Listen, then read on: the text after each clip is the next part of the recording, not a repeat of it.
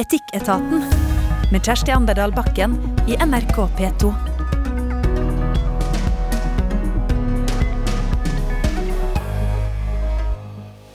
Vi har fått inn et dilemma fra ei mor på leit etter egen humor. Far han er den morsomme, og hun blir den travle organisatoren. Er det et nedarva mønster som hun ikke kan gjøre noe med? Og bør en gi tips på restaurant, og i så fall hvor masse?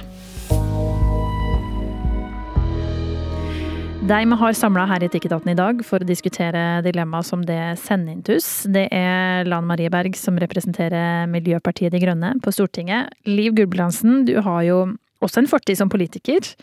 Mest kjent som skuespiller, men har vært med på å starte opp partiet Rødt i sin tid. Og redaktør for avisa Dagen, Vebjørn Selbekk, som passer på det her politikerne. Kanskje også i dag, vi får se. Ehm, men siden vi skal inn i familielivet her i Etikketaten i dag, så Altså, Liv, du er jo veldig morsom på TV og på scenen, men er du en morsom i familien? Og jeg, jeg er den veldig morsom i familien, ja. Ja. Stort sett. Okay. Ikke når jeg er sur, som jeg også er ganske mye i familien. Og, eh, eller trøtt.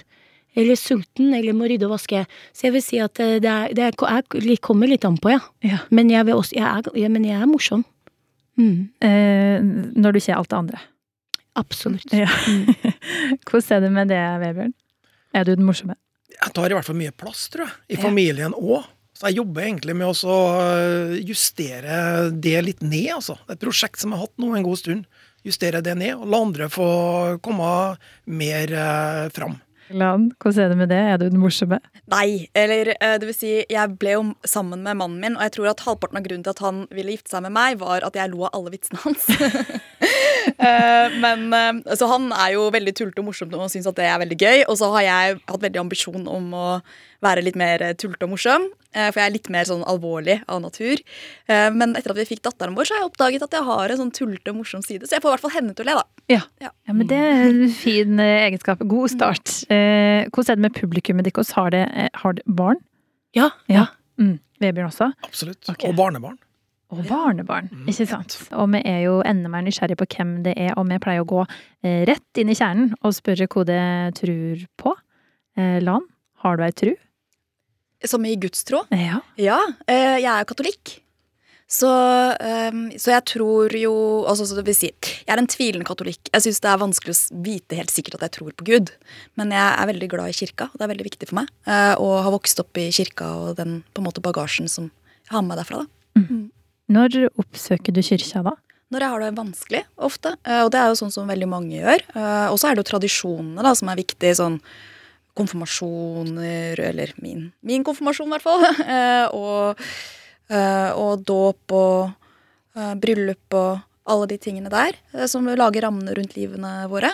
Så, men kirken har vært veldig viktig for meg, spesielt når jeg har hatt det vanskelig. Så når jeg har vært i utlandet, f.eks., så har jeg ofte oppsøkt den katolske kirken. Og det som er så fint, er jo at veldig mange av de ritualene er jo veldig, veldig like, sånn som vi gjør det i Norge. Og det er jo eh, i den katolske kirken der, sånn at da føler jeg veldig at jeg kommer hjem, og at det er trygt. Og så er det veldig godt også når man har det vondt, og selv om man ikke helt vet om Gud fins der oppe, så er det veldig godt å kunne på en måte uttrykke det man føler på i en bønn. Vebjørn, du, du har vært med i Etikketaten før og fortalt om de eh, kristne gudstru. Du sitter og nikker her når Lan eh, forteller. Jeg syns det var veldig fint. Ja. Det var veldig fint å høre. Uh, og den sida av det har jeg ikke hørt uh, før, egentlig. Jeg har lest mye og sett mye på TV, og sånn, men akkurat uh, trossida, det, det, det var nytt for meg. Spennende. Interessant. Jeg har jo vokst opp med en mor som uh, eh, eh, sa at jeg måtte i kirken hver søndag. eh, og katolikker har jo en konfirmasjonsundervisning som starter når vi starter på skolen. Og så, så går vi i St. Sunniva, og så går vi eh, på søndagsskole og sånn. Og så trapper man veldig opp fram til man blir 16. Eh, sånn at eh, det er et veldig mye lengre løp. Og så har jeg vært på sommerleirer, og det var jo Norges unge katolikker som på en måte var min organisasjon da jeg var ungdom. Og så, så er jo sånn at uh, Den katolske kirke er jo den kir kristne kirka i Norge som virkelig vokser. Så det er jo mye stagnasjon og tilbakegang ellers, men, men Den katolske kirke uh, har et økende medlemstall og et økende engasjement, og får små kirker og er nødt til å ekspandere og sånt. Og det syns jeg, som kristen, selv om jeg tilhører en annen, uh, et annet uh, trossamfunn, så syns jeg det er veldig artig og godt å se. Liv, Mm. hvordan er det med din tro? Jeg, jeg, altså, du finner ikke et religiøst bein i kroppen min. Altså, jeg, er 100 ateist og tredje generasjon udøpt. Så jeg, eh, jeg forholder meg veldig til at eh, jeg har bare ett liv, og det er ingenting etterpå. Så jeg må leve skikkelig til stede i det livet jeg har. Jeg, jeg har ingen tid å kaste bort. Det er sånn jeg har det med det. Eh, Men eh, når det er sagt, så er det jo klart at jeg, er- jeg er for religionsfrihet. Altså både frihet til å utøve det man, eh, man tror på, eller å utøve frihet fra religion. Ikke sant? Det, det tenker jeg er en viktig del av det òg. Og, og jeg ser Jeg har jo mange folk som jeg er glad i, i familien min for eksempel, som er religiøse, og jeg vokste opp på østkanten i Oslo, hvor vi er en smeltedigel av folk som tror på forskjellige ting. Og veldig ofte så setter jeg pris på den blandinga. Jeg syns at det er deilig. Og jeg leser mye om religion. Jeg syns at det ofte uttrykker veldig mye Jeg kan lære mye om hva folk ønsker seg, eller hva de er redd for, eller hvordan de forstår verden, ved å lese om forskjellige religioner. Så jeg koser meg med det. Men eh, meg sjæl, det sier tusen takk, men nei takk. Her jeg trives så godt med å med trives med kometer og vitenskap og damer som ler hele natta, og folk som gjør uselviske ting uten noen annen grunn enn at de er snille folk. Ikke for noen, ikke for belønning i etterlivet, bare snille folk. Det har jeg opplevd, og det veit jeg at fins. Og derfor spør vi folk om trua deres her i Etikketaten. For det er liksom sånn eh, krasjkurs i å bli kjent med folk. eh, Noen få minutter, og så har du lært veldig, veldig masse. Eh, og vi har jo liksom et sånt livssynskart som vi nå har plassert ikon på. Og det utgangspunktet der, det tar vi oss inn i dilemmaløsninga. Og så må jo du som hører på alltid sende oss en e-post til etikketaten krøllalfa nrk.no hvis du har et eh, dilemma i hverdagen som du vil ha panelet sine tanker rundt. Skuespiller Liv Gulbrandsen, stortingspolitiker Lan Marie Berg og redaktør i Dagen Webel Selbekk er altså gjengen her eh, i dag. Og første dilemma kommer fra ei mor som lurer på om hun kan endre hvem hun er i familien. Hun skriver altså Hei, jeg er mor til to og er den i familien på fire som tar hånd om alle de usynlige gjøremåla i heimen, som å huske fødselsdager, sikre at fotballdrakta er rein i tide og bake kaka til skolekorpset. Til problemet. Uansett hvor masse artige aktiviteter jeg finner på, som tur til Leos lekeland eller svømmebassenget, pappa er og blir den i familien som blir regna som den morsomme. Og det er jeg enig i, han er morsom, men det kan jeg òg være. Bare at da må jeg kanskje velge å ikke ha kontroll hele tida. Og bare for å ha det sagt, far tar helt klart sin del av ansvaret for hus og heim. Det er ingen som dør hvis jeg ikke har kontroll på alt, men jeg blir sur når det er kaos rundt meg. Er det her et nedarva mønster som det ikke er noe å gjøre med, eller har jeg et valg om jeg bare grev djupt nok i meg sjøl? Helsing Jenny på jakt etter egen humor. Kan du forstå det her dilemmaet, Lan? Ja, veldig godt. Og i, i mitt liv så er det jo litt sånn at Eivind har jo en veldig sånn identitet i det å være morsom og tulte, mens jeg absolutt ikke har det, men har veldig lyst til å liksom løse opp litt, da.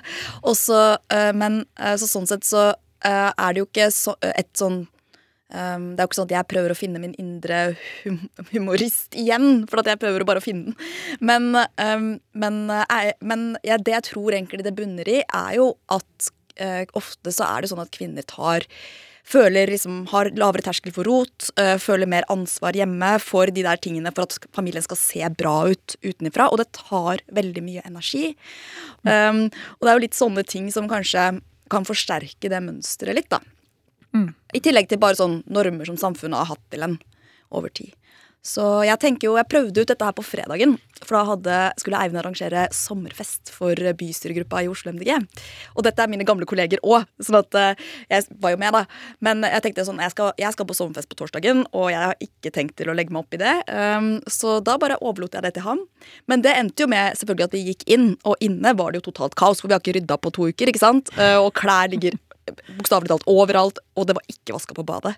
Og det er sånn som det stresser meg veldig. Fordi uansett hvor rotete det er, så skal det i hvert fall være rent på badet når man har gjester, liksom. Uh, men uh, vi gjennomførte den soppfesten. og jeg veit ikke om han syntes at det var noe problem. Uh, så, så, jeg tenker jo noen ganger så tenker jeg at det er greit å bare slippe litt, da. Mm. For å få overskudd til andre ting. Ja. Sjøl om det ligger liksom og surrer i bakhodet at skulle kanskje vaska det badet. Ja, det hadde vært mer behagelig. Ja. ja. Og det er jo det her som kalles det tredje skiftet. Altså at eh, en har liksom et sånt mentalt ansvar, koordinere hverdagen i heimen. Eh, begge foreldre kan liksom kjøpe inn klær, men det er gjerne mor som har oversikt over når det trengs. Eh, hva sier du, Vebjørn? Er du enig i at det er en litt sånn skeiv kjønnsbalanse akkurat på det der?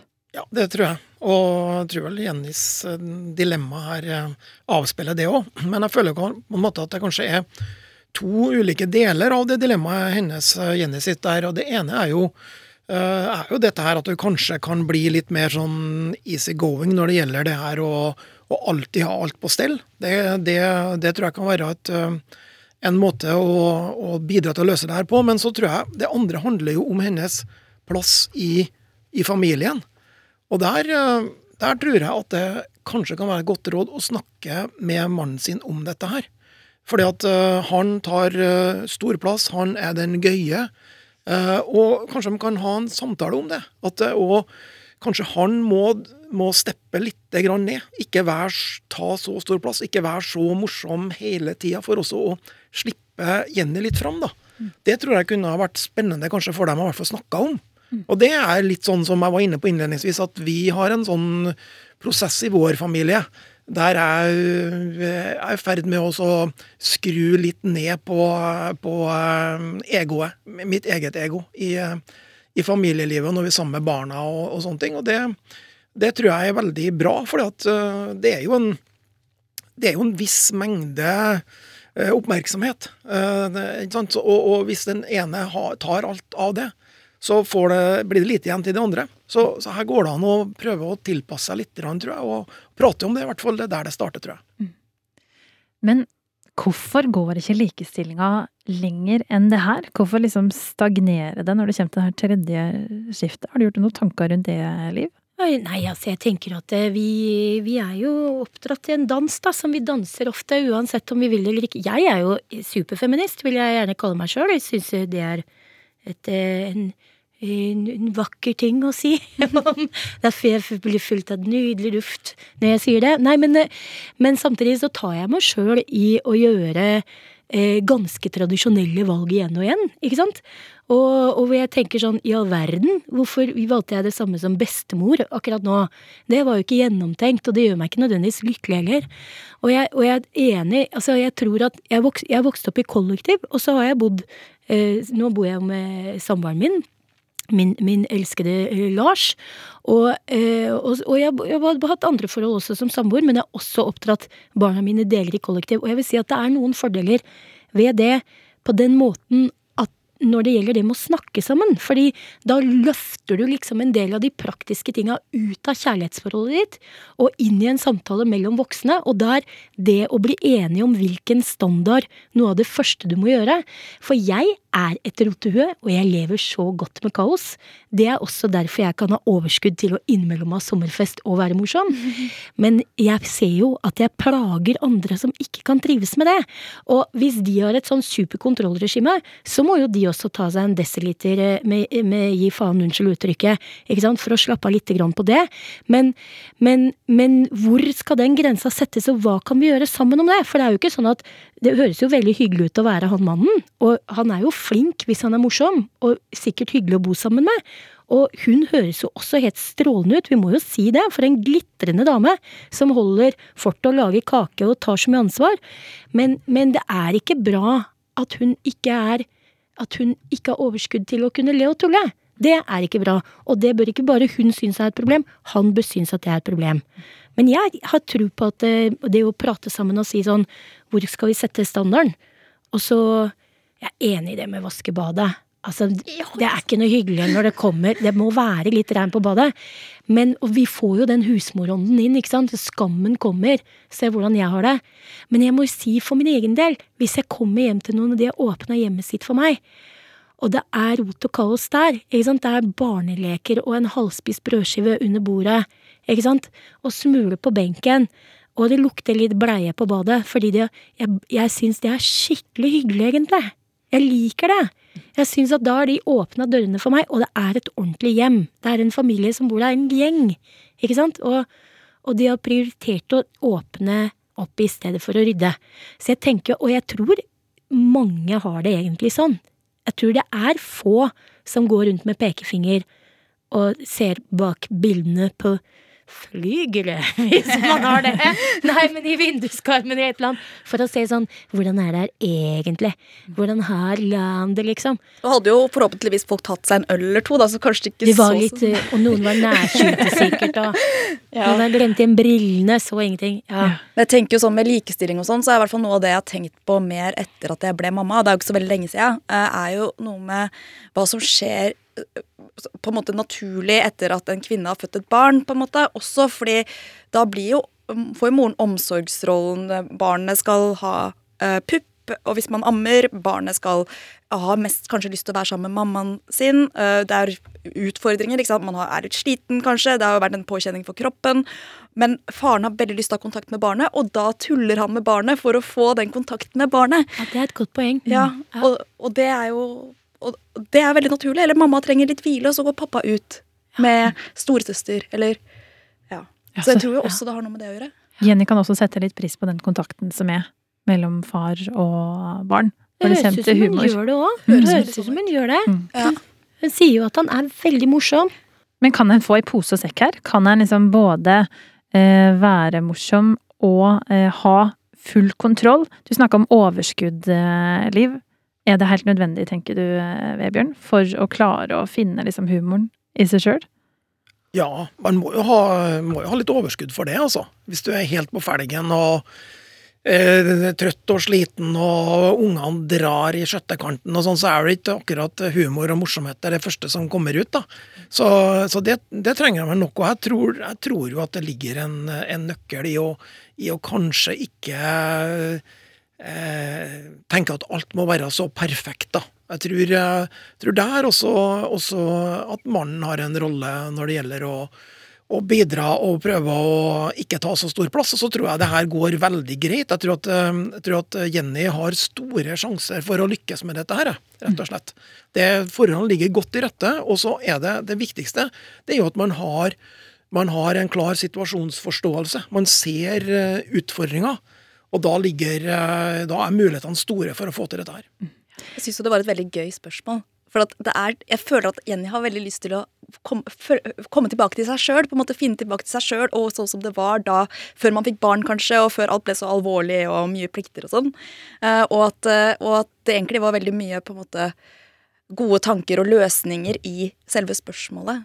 Når man først har stilt det, så er det lettere å komme dit, kanskje. Jeg syns også det. Og så syns jeg syns at Jenny skal gi seg sjøl en skikkelig klapp på skulderen og si 'jeg er ordentlig flink'. Jeg er en skikkelig flink person. Så bra at jeg kommer med kake på foreldresamling eller barn... Så dere vet. Altså klasseavslutning. Det er helt topp av meg å gjøre. Og så, og så kommer hun til å være flink til å gjøre noen endringer også hvis det trengs. Men, og hun er også flink til å anerkjenne mannen sin, som hun sier er flink og snill og tar sin del og eh, er morsom. Så det kan også godt hende at han kan Jeg veit ikke hvordan han er, om han er like flink til å anerkjenne at hun driver med så mye. For noen ganger også er det greit at det er litt forskjellig hvis du får kred for det. Ikke sant? Det er en del ting som jeg gjør som min samboer ikke gjør, og det syns jeg er helt ålreit. Og så er det noen ting som han gjør som jeg ikke gjør, og det elsker jeg at han gjør. Og, da, men, og det går fint, så lenge man heier, liksom, og at det ikke er usynlig. For det der å gå rundt og gjøre sånn usynlige ting, det blir man liksom så besk og bitter av, ikke sant? Mm. Og det er jo en del ting i det her, eh, på det tredje skiftet, som er usynlig helt til det ikke blir gjort. Mm. Men kanskje det bare ikke må bli gjort hele tida. Du kan likevel være flink og bra dame, sjøl om du har et litt sånn eh, støvete bad. Kanskje å forklare, la oss inspirere av det, Lan. Og hvis du som hører på eh, undrer litt på hvordan det står til med likestillinga i heimen, så anbefales eh, Klassekampen sin test for å finne ut hvem som har tatt på seg det her tredje skiftet. Da tror jeg en god del folk kan få seg noen, eh, noen vekkere. Nå så skal det få uh, bryne dere på et dilemma som jeg tør å påstå at alle har uh, stått i. Og her i Etikketaten så sitter altså uh, miljøforkjemper på Stortinget, Lan Marie Berg, skuespiller og egentlig litt sånn altmulig-kulturkvinne. Liv Gulbrandsen, og redaktør Vebjørn Selbekk. Dilemmaet her er altså kort og godt skal han gi tips på restaurant, og i så fall hvor masse? Um, Vebjørn sier at du har spist middag med en venn Uh, de kan skal betale. Regninga er på 500 kroner. Uh, tipsa du? Ja, hvis, en, hvis regninga er på akkurat 500 kroner, så er det for meg et spørsmål I Norge er det et spørsmål om servicenivået, rett og slett, syns jeg. Okay. Altså, i hvert fall, altså Hadde den vært på 550, så kunne det jo ha, ha runda oppover til nærmeste hundrelapp, f.eks. Men, men i Norge uh, føler ikke jeg at det er at du liksom må uh, tipse for å være et uh, godt menneske. Men, men, det er det i andre deler av verden.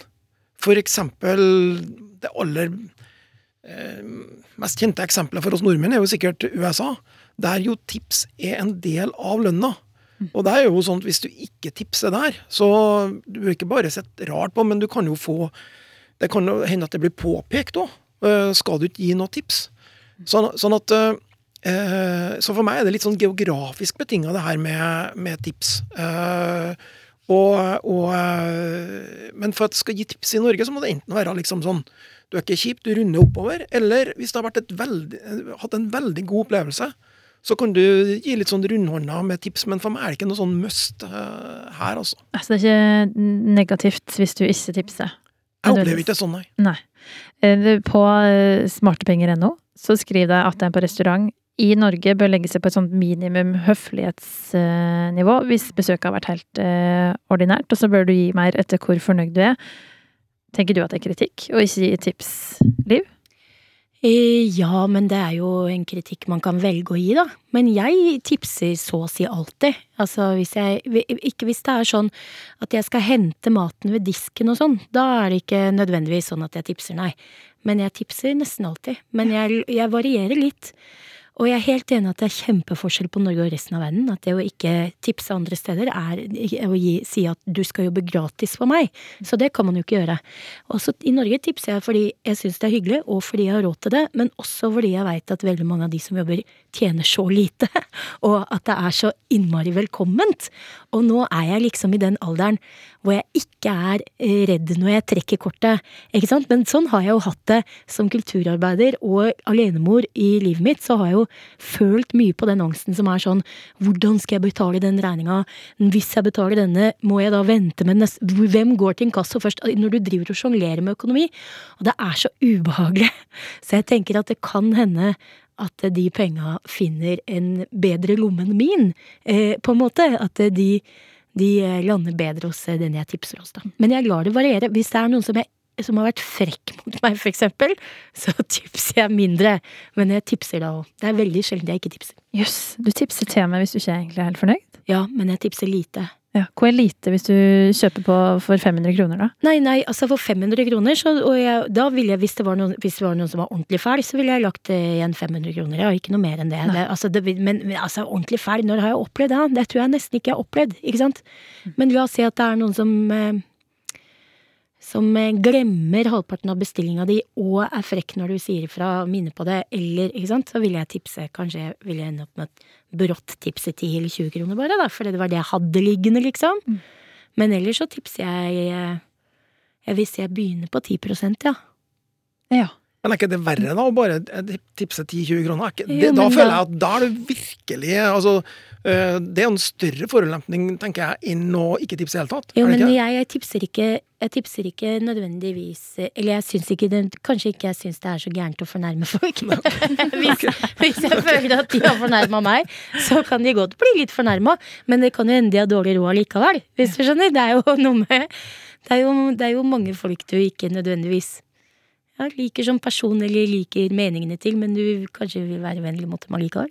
Men er det frekt å også, liksom, hvis det koster 580 å runde opp til 600, eller er det forskjell på deg 20 kroner der og fra 500 til 520? Ja, altså jeg, har, um, jeg er jo litt interessert i det her med tips. Jeg har jo lest litt om det, og jeg leste blant annet et uh, intervju med en eh, i Dagens Næringsliv med en sånn erfaren eh, serveringsmedarbeider på Theatercaféen. Og hun sa det at eh, hvis du har en regning på 591 kroner, og så gir du, gir du 9 kroner i tips, eh, da tror du jeg er et barn, eller? liksom sa.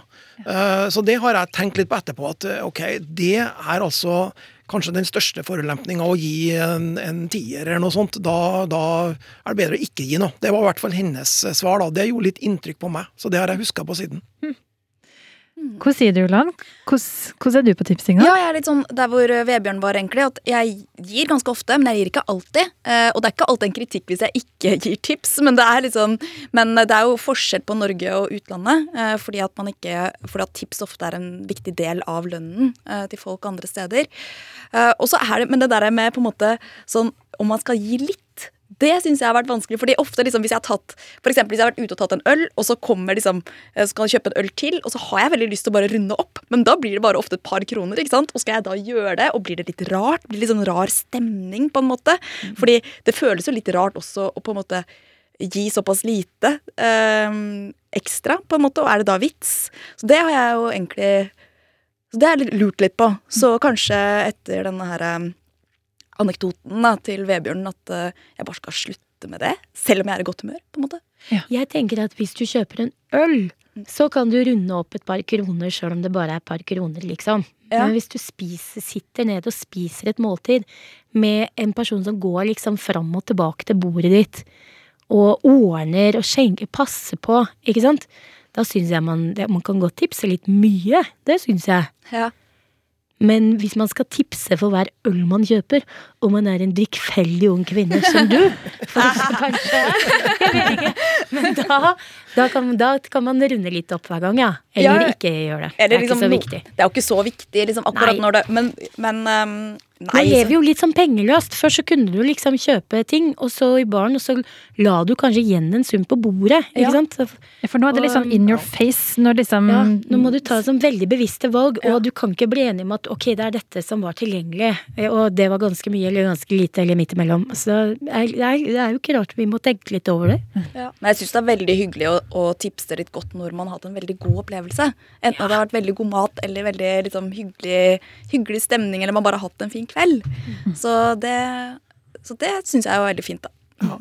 Og så er det jo litt sånn eh, Servitører kan ofte være litt sånn entertainere òg, da. Og det er de kanskje enda flinkere til i utlandet, der man eh, lever av tips. ikke sant? I USA så kommer de fram og presenterer seg. ikke sant? Eh, Etter det og det, og, jeg vil være deres servitør i, i kveld, og alt dette her. men det, det skjer jo etter hvert oftere i Norge, og det syns jeg er litt uh, artig. At når man, man legger vekt på at eh, et måltid er ikke bare en eh, kulinarisk opplevelse, men det er en opplevelse av helheten. da. Og der eh, er jo serveringa og, og, og hvor mye serveringspersonalet legger i, det er jo en del av totalopplevelsen. da. Og det bør man òg vise at hvis man har hatt en god opplevelse, så kan man belønne det med tips.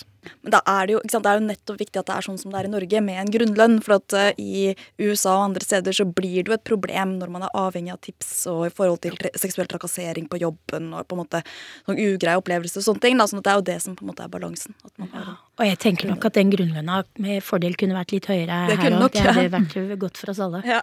Men det er jo er det ikke andre yrker også som hadde fortjent litt tips iblant? En uh, god lærer, for eksempel? Eller en på klesbutikk som har ytt deg veldig god service når du skulle finne den olabuksa som du prøvde både én og to og tre og fire, før Ja. du til slutt fant? Ja, den eneste sånn tipsopplevelsen, i og med at jeg ikke har jobba i serveringsbransjen, altså den eneste tipsopplevelsen jeg har opplevd, det er jo da jeg var eh, sånn lørdagsvikar i Posten. For der var det en sånn ordning at til jul så når du kom og leverte posten på julaften, tror jeg det var, så lå det ofte en sånn gave oppi eh, postkassa. Å, det Så det, ja, det var kjempekoselig. Men kunne da ikke hatt en liten sånn tipsskål på klesbutikken nå? Eller? Altså, jeg ville passa meg for det. Fordi det er et eller annet med at hvis folk kommer og gir deg penger, og det ikke er kultur for deg, så tenker man sånn, hva er det du driver med? Og, og som vi snakker om her, vi har jo ganske Ganske Det er liksom brått Kommer du opp i et eller annet etisk dilemma sånn som det er, jeg- vi gidder ikke å utvide det. Jeg tenker heller vi bare kjører høyere lønn på lærere og de i klesbutikk også, så er den løst. Så slipper vi det med at enhver kunde skal måtte vurdere, og så plutselig så er det det du må leve av, ikke sant, eller de kalkuleres inn i Uff, det blir bare mas. Bare mas. Ja. Må heller si noe pent. Ja, for- Tusen takk for god hjelp. Det var skikkelig fint. De kan få høre lønn og kompliment når de gjør god jobb. Her i Etikketaten har vi samla tre folk som deler av sin kunnskap og erfaring for å bistå deg som har sendt inn dilemma til oss til etikketaten krøllalfa nrk.no. Men vi er jo òg nysgjerrige på hvem det er, og det skal vi finne mer ut av nå. Vi vet jo at eh, Lan Marie Berg er stortingsrepresentant for MDG, Vebjørn Selbekk redaktør for Avisa Dagen, og Liv Gulbrandsen, skuespiller og tidligere politiker.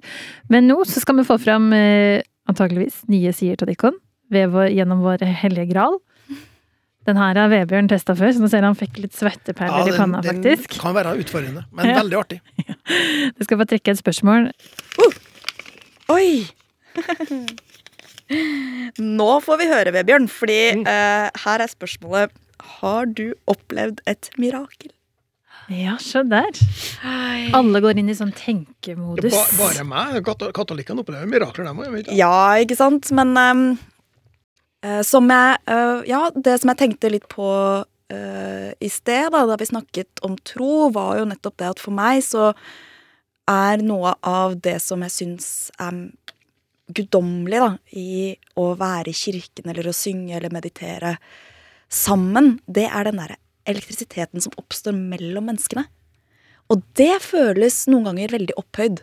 Så det husker jeg var da jeg bestemte meg for at jeg skulle konfirmere meg katolsk, for jeg lurte på om jeg skulle det eller ikke. Uh, og da dro jeg i kirken, i St. Olav kirke i Oslo, uh, på en uh, søndag, og det var vietnamesisk messe, så jeg skjønte jo ikke hva noen sa. Men de hadde et fantastisk kor, og det var en sånn vårdag, og lyset skinte gjennom de vakre vindusmaleriene. Og da følte jeg liksom at det var noe liksom guddommelig i lufta. Og om det er et mirakel, eller om det er liksom når mennesker kommer sammen og har et fellesskap, og at det skaper en sånn elektrisitet eller noe opphøyd, det er jo vanskelig å si. Men jeg tror at det er det som er også er bakgrunnen for at veldig mange kommer til kirken, er medlem av kirken, føler et fellesskap der. Da. At man kan føle den det guddommelige fellesskapet mellom mennesker. Så det eh, er jo én ting. Eh, Det andre som de fleste med barn vil si, er jo at det å ha barn er et mirakel. Eh, og det å få barn var for så vidt på en måte For meg så var fødselen var bare sånn der, Wow, jeg fikk det til! Nå skal jeg gjøre det igjen! og uh, nå har jeg tenkt at jeg skal vente litt, da. Uh, sånn at det, det, det gikk på en måte Men det var veldig sånn adrenalin akkurat da. Men nå med en treåring, det er bare helt fantastisk, liksom. Hun har så mange rare tanker, og det bare spruter ut av på en måte ideer og tanker, og hun babler, og det er helt fantastisk. Så jeg føler jo liksom Jeg er veldig takknemlig, sånn evig takknemlig for at jeg får lov til å oppleve det. Oppleve å bare se et annet menneske forme tanker og ideer og vokse opp. Så fint. Eh, Liv, har du opplevd et mirakel? Og jeg syns jeg opplever mirakler hele tida. Men, eh, men jeg opplevde eh, absolutt det der med å få barn, eller at andre får barn. Men jeg opplevde en gang For jeg har jo drevet masse med lesing og, og litteratur, og skriver bøker sjøl, men jeg har formidla mye litteratur for mange grupper som av ulike grunner ikke kan lese sjøl. Og en gang så var jeg med en veldig flink leser som leste fast for demente gamle. Og em, flere av dem hadde mista språk. Og så leste hun en bok som er egentlig en svensk bok, og som er tilrettelagt egentlig for uh, uh, gamle folk med forskjellige typer demens, da, men som heter En naken mann. Og det er jo en, en vovet tittel, men det er en veldig uskyldig bok som handler om en eldre mann som er irritert på de som soler seg utafor blokka hans med for lite klær, og så har han sine ritualer. Han liker å spise reker, og en kveld han har gjort det, så har han glemt å, å, å kaste rekeskalla, så han står opp i leiligheten sin, og så løper han ut til sjakta i oppgangen naken, ser seg rundt, ikke sant, og det er ingen der, og så smekker døra igjen bak han. Og det er liksom historien i boka. Og det hun, hun leseombud som det heter, hun som leser for dem, gjør, er at hun, hun har da samla alle disse damene, for det er jo mye damer som holder ut lengst her på jorden. Så de sitter da i ring, og så skramler de med tekoppene sine og slurper av skål og sånn, og når de har gjort det og alle har fått drikke te og ha teselskap, så tar hun fram veska si, og så tar hun opp en sånn liten parfymeflaske med sånn belg, og så sendes den rundt, og det sprutes og lukter så det kommer med godlyder og sånn fra damer, og så tar hun fram leppestift, og flere tar og lukter og undersøker den, og så tar hun opp en sånn liten silkestrømpe som folk kjenner på og holder, og så sier hun nå har vi dameselskap, det vi trenger nå er en naken mann. Og så løfter hun fram denne boka, og så leser hun det lille snittet, hvor han ender opp da og står i den gangen og er en liten, tykk, eldre mann, ikke sant, på et lite illustrasjonsbilde der. Overhodet ikke eh, Altså, han er jo en, han er en redd mann på dette tidspunktet. Og da, når hun har lest dette, og alle følger med, så snur hun boka mot dette publikum av eldre damer, og så bøyer en av de eldste seg fram og setter en krokete finger midt på bildet i mannens skritt, og så sier hun 'liten'. og så gråter de eh, pleierne som er der, og jeg står på sida og liksom observerer, så ser jeg hvorfor gråter de, så sier de fordi det er det første hun har sagt på to år, hun har ikke språk. Og du vet, hvordan liksom hele denne opplevelsen altså vekker liksom minner, bokkraft da, på en måte, ikke sant, den historien, fortellingen og den felles opplevelsen.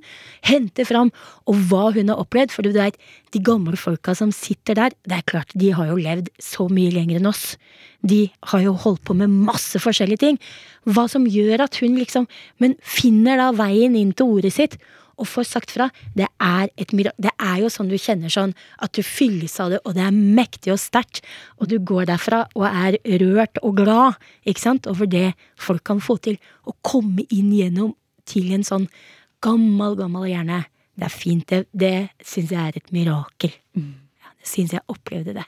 Nå eh, ble det her en sånn vakker film i, ja, i huet mitt. Jeg ser for meg både menn og kvinner. Ja. ja. Så nydelig. Eh, Vebjørn, ja. har du opplevd mirakel? Jeg har jo bevega meg i en del kretser som, uh, som praktiserer eh, bønn for syke. Og har også på min vei sett uh, en del ting der som, som jeg vil, vil kalle seg for som, som mirakler, rett og slett. Men har du ei sånn historie ja, som du Ja, jeg har egentlig det. Ja. Det, var, det var en Og det er noe av det mest spektakulære jeg har sett, det var en, en, dame som var en venn av familien. Som, eh, som eh, en eldre dame som, eh, som var veldig uh, plaga av med, med, bevegelseshemning, rett og slett. At hun, hun, hun gikk, ikke, gikk ikke godt, rett og slett. Gammel og, og, og ja, muskler og alt sånt var, var prega av et langt og strevsomt liv. Og så ble hun eh, bedt for på en, eh, på en gudstjeneste, og den ekstreme forandringen fra en eh, fra et sekund til et annet, det er noe av det mest spektakulære jeg har sett. For da kunne hun altså, fra å gå sammenbøyd og, eh, og vanskelig, så, så, kunne hun rett og slett altså bare gå rett opp trapp og, og, sånne ting. Ting som hun ikke hadde kunnet gjort før. Så det var en Det var et eh, Ja, jeg vil kalle det et mirakel, da. Vebjørn, Lan Marie og Liv de trakk flere spørsmål fra vår hellige gral og fikk også flere dilemma fra oss i Etikketaten. Blant annet så ble de utfordra av ei mor som trenger å finne balansen mellom frihet og sikkerhet i barneoppdragelsen. Og hvordan det gikk, det får du høre i del to, som kommer ut neste torsdag. Og mens du venter, så må du gjerne sende oss dilemma hvis du sitter inne med et til Etikketaten, krøllalfa nrk.no. Jeg heter Kjersti Anderdal Bakken, og vi høyrest. Yes.